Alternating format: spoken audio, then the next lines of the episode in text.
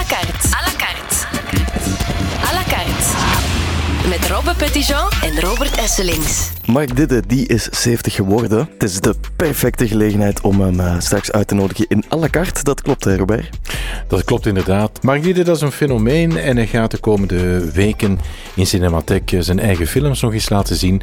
Ook de films waaraan hij heeft meegewerkt, niet de zijne, maar andere. En ook eh, de films die hem na aan het hart liggen. Ehm, daarover gaat het allemaal gaan. Het is eh, een man met een verhaal. Dat weet iedereen. Dus eh, uitkijken en luisteren is de boodschap. À la carte. Mark Didde, deze zomer ben je inderdaad 70 geworden. Gefeliciteerd. Dankjewel. Maar het beste moet nog komen, zegt men. En dat is in de komende dagen en weken in de Cinematheek. Met een selectie van films die jij erg bijzonder vindt. En met vanaf zondag ook een retrospectieve van je eigen films of films waaraan je hebt meegewerkt. Het begint zondag allemaal om drie uur in de namiddag in de Cinematheek. Met een kortfilm over jou. Van Laurent van den Heden. Een redelijk leven heet die. Vertel eens. Wel, ten eerste ben ik heel blij met. Ik wilde eigenlijk geen cadeaus, want als je 70 wordt, word je ook zo ijdel dat je denkt van laat het maar snel passeren en op naar de 71. Uh, maar ik vond. Uh, stiekem hoopte ik wel op iets. En, eh, en die, die vraag kwam van Cinematheek. Nog niet over die retrospectief, maar wel over die carte blanche. Of me dat zou interesseren. In een Ja. gesprek met iemand van de Cinematheek. Waartegen ik zei dat ik zou verjaren. En dat er ook een jonge cineaste, Laurent van den Ede, vorig jaar afgestudeerd aan het Rits. Dat die vertrekkend van mijn boek Het Gehucht in Maras eigenlijk een film ging maken. Mijn boek over Brussel. Ja. Maar Niet in bewerking van dat boek, maar in die sfeer van dat boek. En toen heeft ze mij ook geïnterviewd. Dankzij de AB hebben we een klein hok gekregen daarboven de AB om een rustig gesprek te hebben. En toen heeft ze eigenlijk de informatie van dat interview plus ehm, de, mijn eigen films heeft ze terugbekeken. Plus het idee om mij een cadeau te doen, heeft zij een film gemaakt. En dat vond ik de twee mooiste cadeaus. Dus geen materiële cadeaus in, of, of taarten of Maseratis. Nee, maar ja. een retrospect, een, eh, een carte blanche. En een film die een jonge cineast over mij maakt. Ik heb altijd dicht bij de jeugd gestaan in de zin. Ik heb 29 jaar lesgegeven vast aan Sint-Lucas. Ik heb ook aan het Rits gastles gegeven. Ik heb lesgegeven in Amsterdam.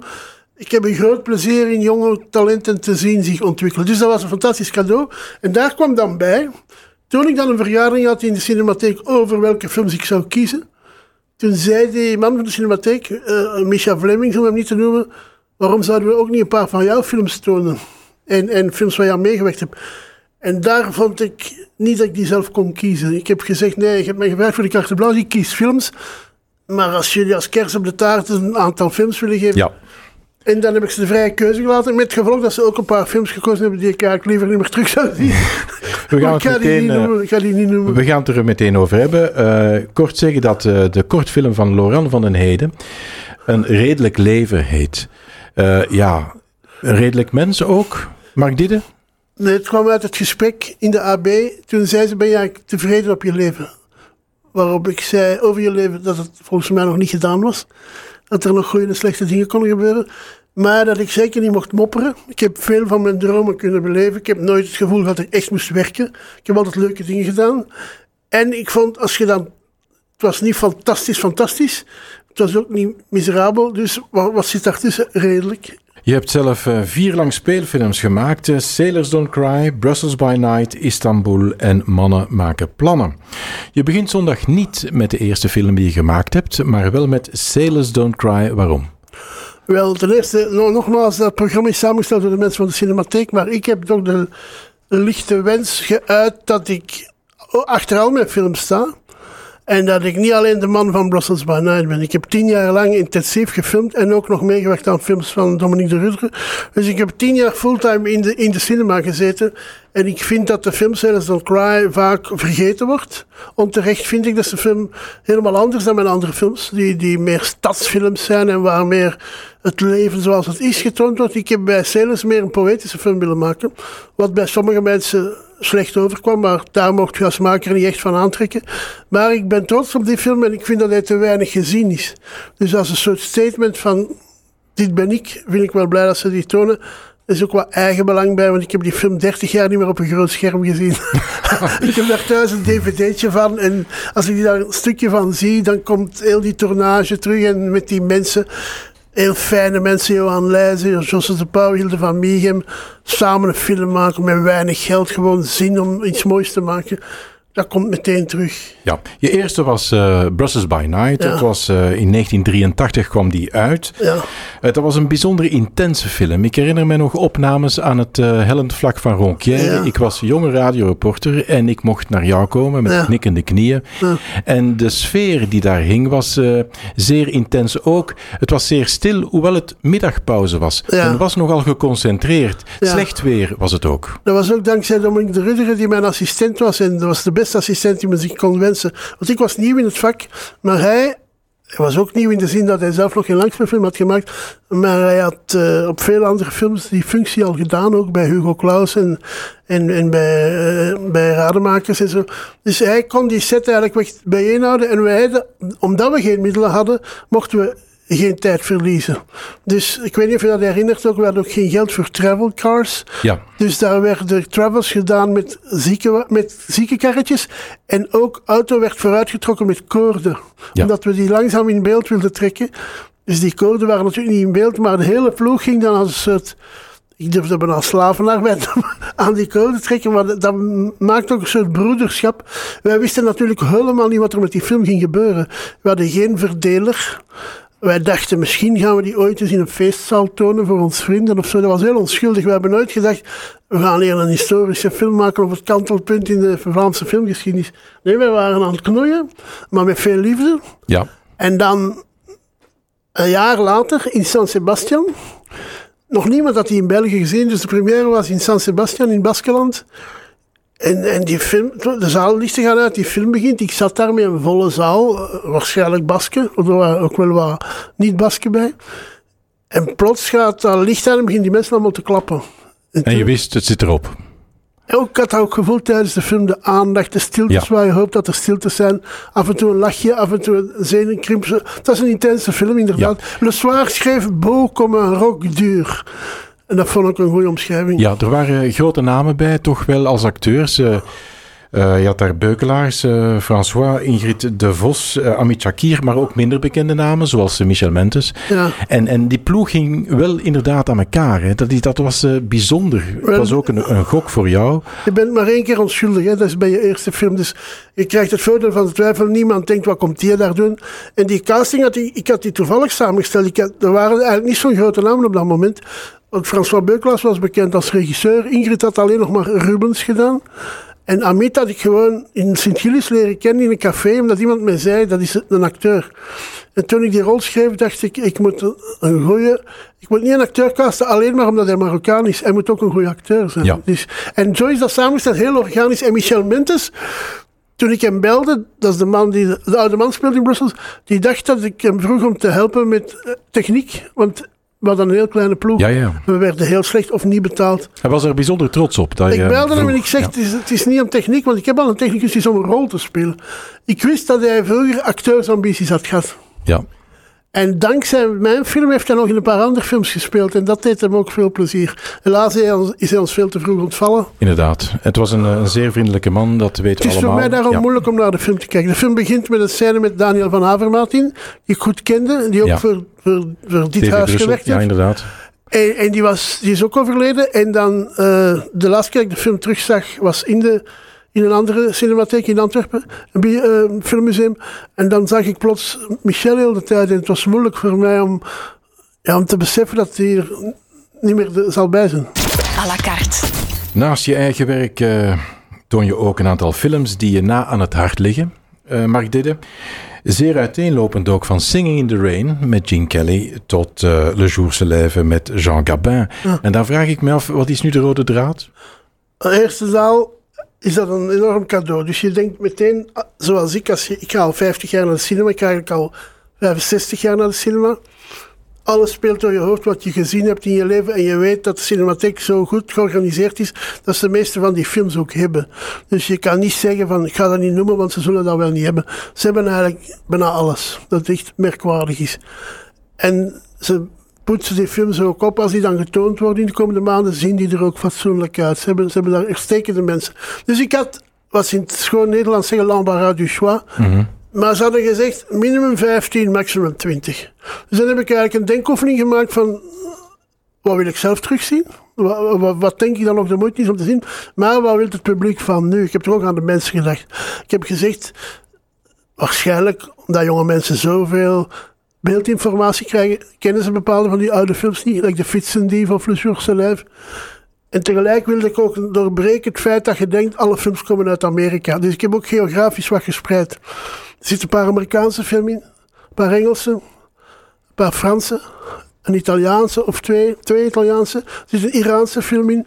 Ik wilde toch ook wel het idee verdedigen dat cinema een wereld gegeven is.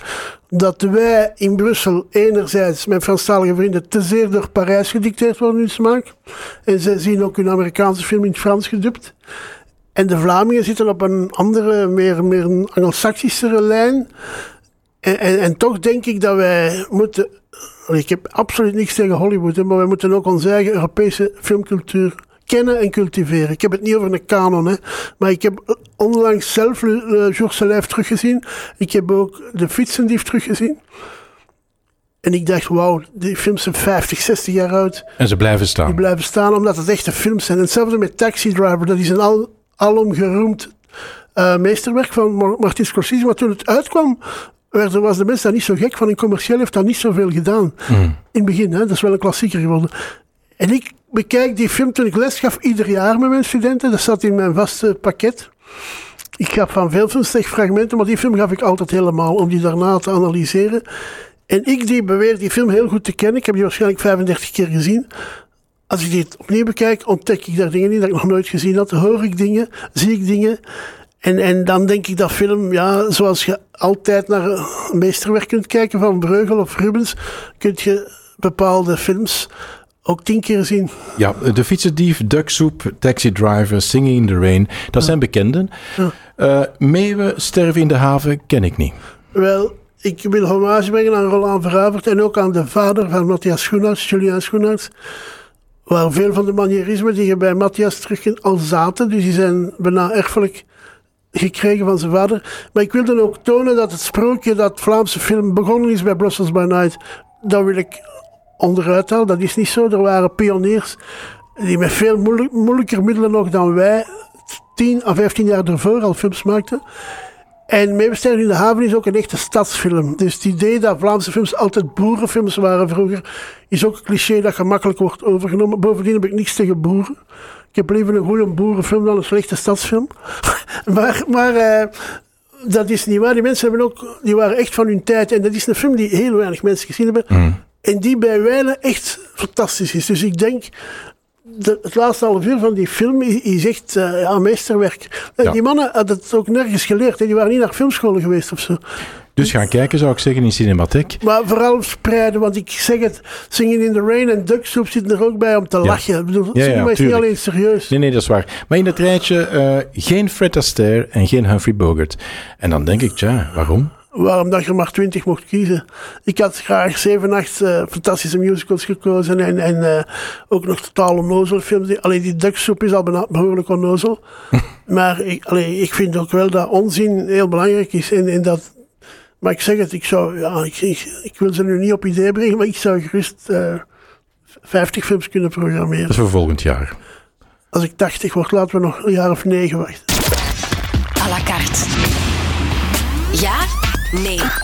Snel antwoorden is de boodschap, uh, Mark Didden. Hier gaan we. Films beleef je alleen maar echt in de bioscoop. Ja. Netflix is de bioscoop van de toekomst. Ja. Vlaamse en Brusselse cineasten kunnen concurreren met het buitenland. Ja. Films maken blijft moeilijk, maar is niet onmogelijk. Ja. En dan komt de vraag natuurlijk.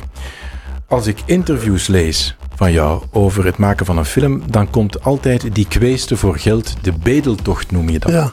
naar boven. En dat viel jou altijd het zwaarst. Wel, ik begrijp dat wel. Ik vind niet dat je zomaar kunt zeggen, ik ga een film maken, geef mij eens 2 miljoen. Het is een grote investering, het is, het is de prijs van één of twee of drie huizen. Dus ik begrijp wel, zeker in een land zoals wij, waar wij moeten werken met subsidies of er zou geen auteursfilm zijn. Je kunt misschien hoogstens een film rond de Romeo's zelfs opzetten, of de kampioenen. Maar als je een verhaal wilt vertellen dat een beetje buiten het, het eh, mainstream valt, moet je steun hebben. Zoals de mensen van het toneel steun hebben, de mensen van omroepen steun hebben, zoals universiteiten steun hebben. Maar ik vond dat wel verschrikkelijk, ja, omdat het toch u heel ver brengt van uw project. Ergens heb je op een dag een mooi idee voor een film. Dan sluit je op in een werkkamer en je schrijft een scenario. Je laat dan een paar intimi lezen of een paar producers. Je krijgt feedback. Je beslist, ik ga daar nog wel doorwerken of nee, het is te nemen of te laten. Zo heb ik nooit geweest. Ik heb altijd geluisterd. En dan, dat idee dat je had, laat ons een keer op een, op een tijdslijn zetten. Je hebt dat idee in januari 2020. Als alles goed gaat, bestaat die film in 2024 of 2023. Dus je moet je adem eigenlijk zo lang inhouden om je te uiten. Ja. Want je maakt die film toch om iets te vertellen. Dat zal elke auteurscineast u zeggen. Dat is bijna de waarde van een boek of zo. Dus je wilt dat vertellen. Iemand als Vriend Trog maakt niet zomaar een film om te zeggen we moeten nog eens een film maken. Nee, er zit iets te koken en ze maakt dat. Ik heb dat ook telkens gehad. En dan vond ik die spanningsboog bijna niet meer te harden. Plus al die tegenslagen. De meeste mensen zeggen nee. Als, je, als je iets gaat voorstellen. Wat ik ook begrijp, want de, de, de centen zijn beperkt. Veel mensen moeten van dezelfde taart een stukje hebben. Dus ik begrijp ook wel dat een instelling als het FAF of de VRT niet op iedereen die daar script toestuurt ja kunt zeggen. Ja, ik moet denken aan, eh, aan een figuur die ongeveer in dezelfde tijd is begonnen als producer, geldzoeker, laat ons zeggen. Die was muzieksamensteller hier eh, bij Omroep Brabant, Erwin. Erwin Provoost. Ja, samen met de Pre, hè? Ja. Eh, Erwin Provoost. Die heb ik gelukkig op mijn weg tegengekomen vroeg in mijn carrière. Eigenlijk maakten wij samen een VRT-film over punks. Met de geweldige titel Morgen zullen wij pogen, of gisteren zullen wij pogen dansen. Ja, Dat is bedacht door een team van helden op de Rijkslaan. en dan, eh, hij, hij zegt, ik wil er eigenlijk mee stoppen. Hij was muzieksamensteller en assistent op bepaalde films. En ik was journalist met een zeker succes, mag ik zeggen. Maar ik dacht ook, ik ga dat ook niet mijn leven doen. Eh, dus ik, ik had een verhaal in mijn hoofd, eh, de basis van Brussels by Night. En hij voelde, hij zei, ik heb geen onderwerp en jij hebt geen producer, laat ons iets samen proberen. We hebben dat vak eigenlijk uitgevonden. Ja. Want hij was ook geen producer en ik was geen regisseur. Maar dat heeft wel gewerkt. Ik heb twee films met hem gemaakt en nog twee films van Dominique de Rudder aan meegewerkt. Waaronder het prachtige Crazy Love. Eh, maar ik moest ook te veel dan meedoen. Want de mensen verwachten dan dat de hij regisseur ging wel meekomt. zeggen, Ja. maar ik jullie willen een film maken. Maar dan zeiden die mensen, ja, dat er maar eens komt. Zo van, we gaan u geen cheque geven, dat het maar eens komt Je uitleggen. moest het altijd zelf gaan verkopen ook. Ja, wat op zich niet erg is, maar als je dat 45 jaar moet doen. Bedoel, de eerste keer denk je, dat is de eerste keer. eh, Ik zal, ik zal, ik zal wel eens doen, hè. Maar voor de tweede film begint het dan, voor de derde film ook. En dan wordt die film aangekondigd en afgezegd. Je hebt, uw vrienden zijn ook uw acteurs, soms of vice versa. Acteurs zijn uw vrienden en je zegt dan, volgend jaar in augustus ga ik een film maken. Die houden zich vrij. Ja, Die, dan gebeurt het niet. die gebruik, andere projecten weigeren ze. En dan moet jij ze zeggen, het gaat niet door.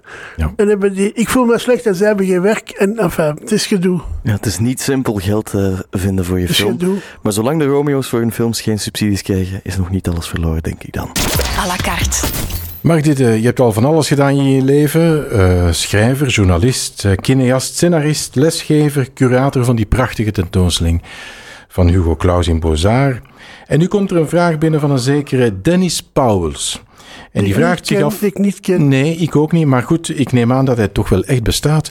En ehm, hij stelt zich de vraag: op welke verwezenlijking, eh Mark Didde, bent u het meest trots? Oké. Ik zal dat snel proberen te zeggen. Zijn er anderhalf eigenlijk. Ik ben heel trots dat ik meegewerkt heb aan de film die ik reeds vernoemde, Crazy Love, van Dominique de Rudder. Ik vind dat echt een fantastische film. Niet alleen een Vlaamse film, een fantastische film. Ik was heel trots dat ik aan mocht meeschrijven. Maar de verwezenlijking, dat heb ik de laatste dagen beseft, toch aan het lesgeven en de gevolgen daarvan. Ik was eens met mijn vrouw aan het praten. Ik, ik had zelf twijfel. Ik dacht, heeft dat wel zin dat ik zo lang in het onderwijs heb gestaan in Sint-Lucas? En dan noemde zij op wat er nu allemaal gaande is. Ik heb lesgegeven aan Fien Trog. Ik heb lesgegeven aan Tom Barman. Ik heb lesgegeven aan de mensen die Tabula Rasa gemaakt hebben. Ik heb lesgegeven aan de mensen die Undercover hebben gemaakt. soms kom ik in musea en lopen daar video's van studenten van mij. Dan denk je toch dat dat niet voor niks was. Dat je dus toch iets gezaaid hebt. Ik was dat natuurlijk niet alleen, er waren nog andere Ja. docenten. Maar je hebt toch een soort ja, een goede smaak proberen bij te brengen. En ook waarde van kunst dat je niet gelijk wam moet maken. Dus ik ben trots ook die nieuwe film De Patrick. Dat is een oud student van mij. De cameraman is een oud student van mij. Kevin Janssens. Ja. Kevin is geen... Nee, Tim Milans, de regisseur, is een oud student van mij. En ook de cameraman Frank van der Neden. Maar Kevin ken ik vanwege... Toen hij nog student was, heb ik de dingen geschreven. De Koning van de Wereld. En daar was hij de hoofdrol. Toen had hij nog nooit iets gedaan. Dus ik ben wel trots op... Op mijn eigen weg, maar ook op wat ik losgemaakt heb bij jonge mensen. Hoe lang heb je eigenlijk voor de klas gestaan? 29 jaar. 29 jaar. Ik kwam daar eigenlijk voor een maand. Guido Hendricks, die daar les gaf, vroeg mij... Kan je eens niet wat een lezing geven over scenario? Want ze hadden geen scenario-docent. Dat bestond toen niet. Ja, en ik gaf dat in een groot auditorium. Dat was 100 man. En die studenten vroegen zelf, kunnen die nog eens terugkomen? En dat is dan een half jaar geworden. Dat was het jaar al na Brussels Night. Want ondertussen hadden ze Brussels gezien. En hadden ze meer vertrouwen in. Eerst vertelde ik dat zonder dat ze iets van mij gezien hadden. Ondertussen was Crazy Love ook een jaar daarna uitgekomen. En ze bleven maar vragen te blijven. En ik begon dat ook heel fijn te vinden, ook voor mezelf. Ik heb altijd gezegd, lesgeven dat gaat in twee richtingen. Je kunt niet lesgeven en, en niks van die studenten terugkrijgen, anders is het niet aangenaam. Laatste vraag, eh Ja. Mark want de tijd is om. Je gaat nog een boek schrijven en dat komt uit eh, eind dit jaar. Beter nog, ik heb het geschreven. Ah zo, Ik moest het de 1 oktober inleveren, maar ik was er 12 september mee klaar. En ik heb het toen om middernacht naar mijn uitgever gestuurd. het gaat over. Eh, het gaat over een redelijk leven, dat is ook de titel. Net zoals die kortfilm waar we het begin van het programma van hebben. Het is geen biografie, het is geen autobiografie, maar ik heb wel... Het is eigenlijk mijn eigen woordenboek. Ik heb op een blad een tachtigtal woorden geschreven. En rond die woorden ben ik beginnen associëren. Dus dat kan zowel zijn een stad, Berlijn, als een plaat, als eh, een film van iemand anders.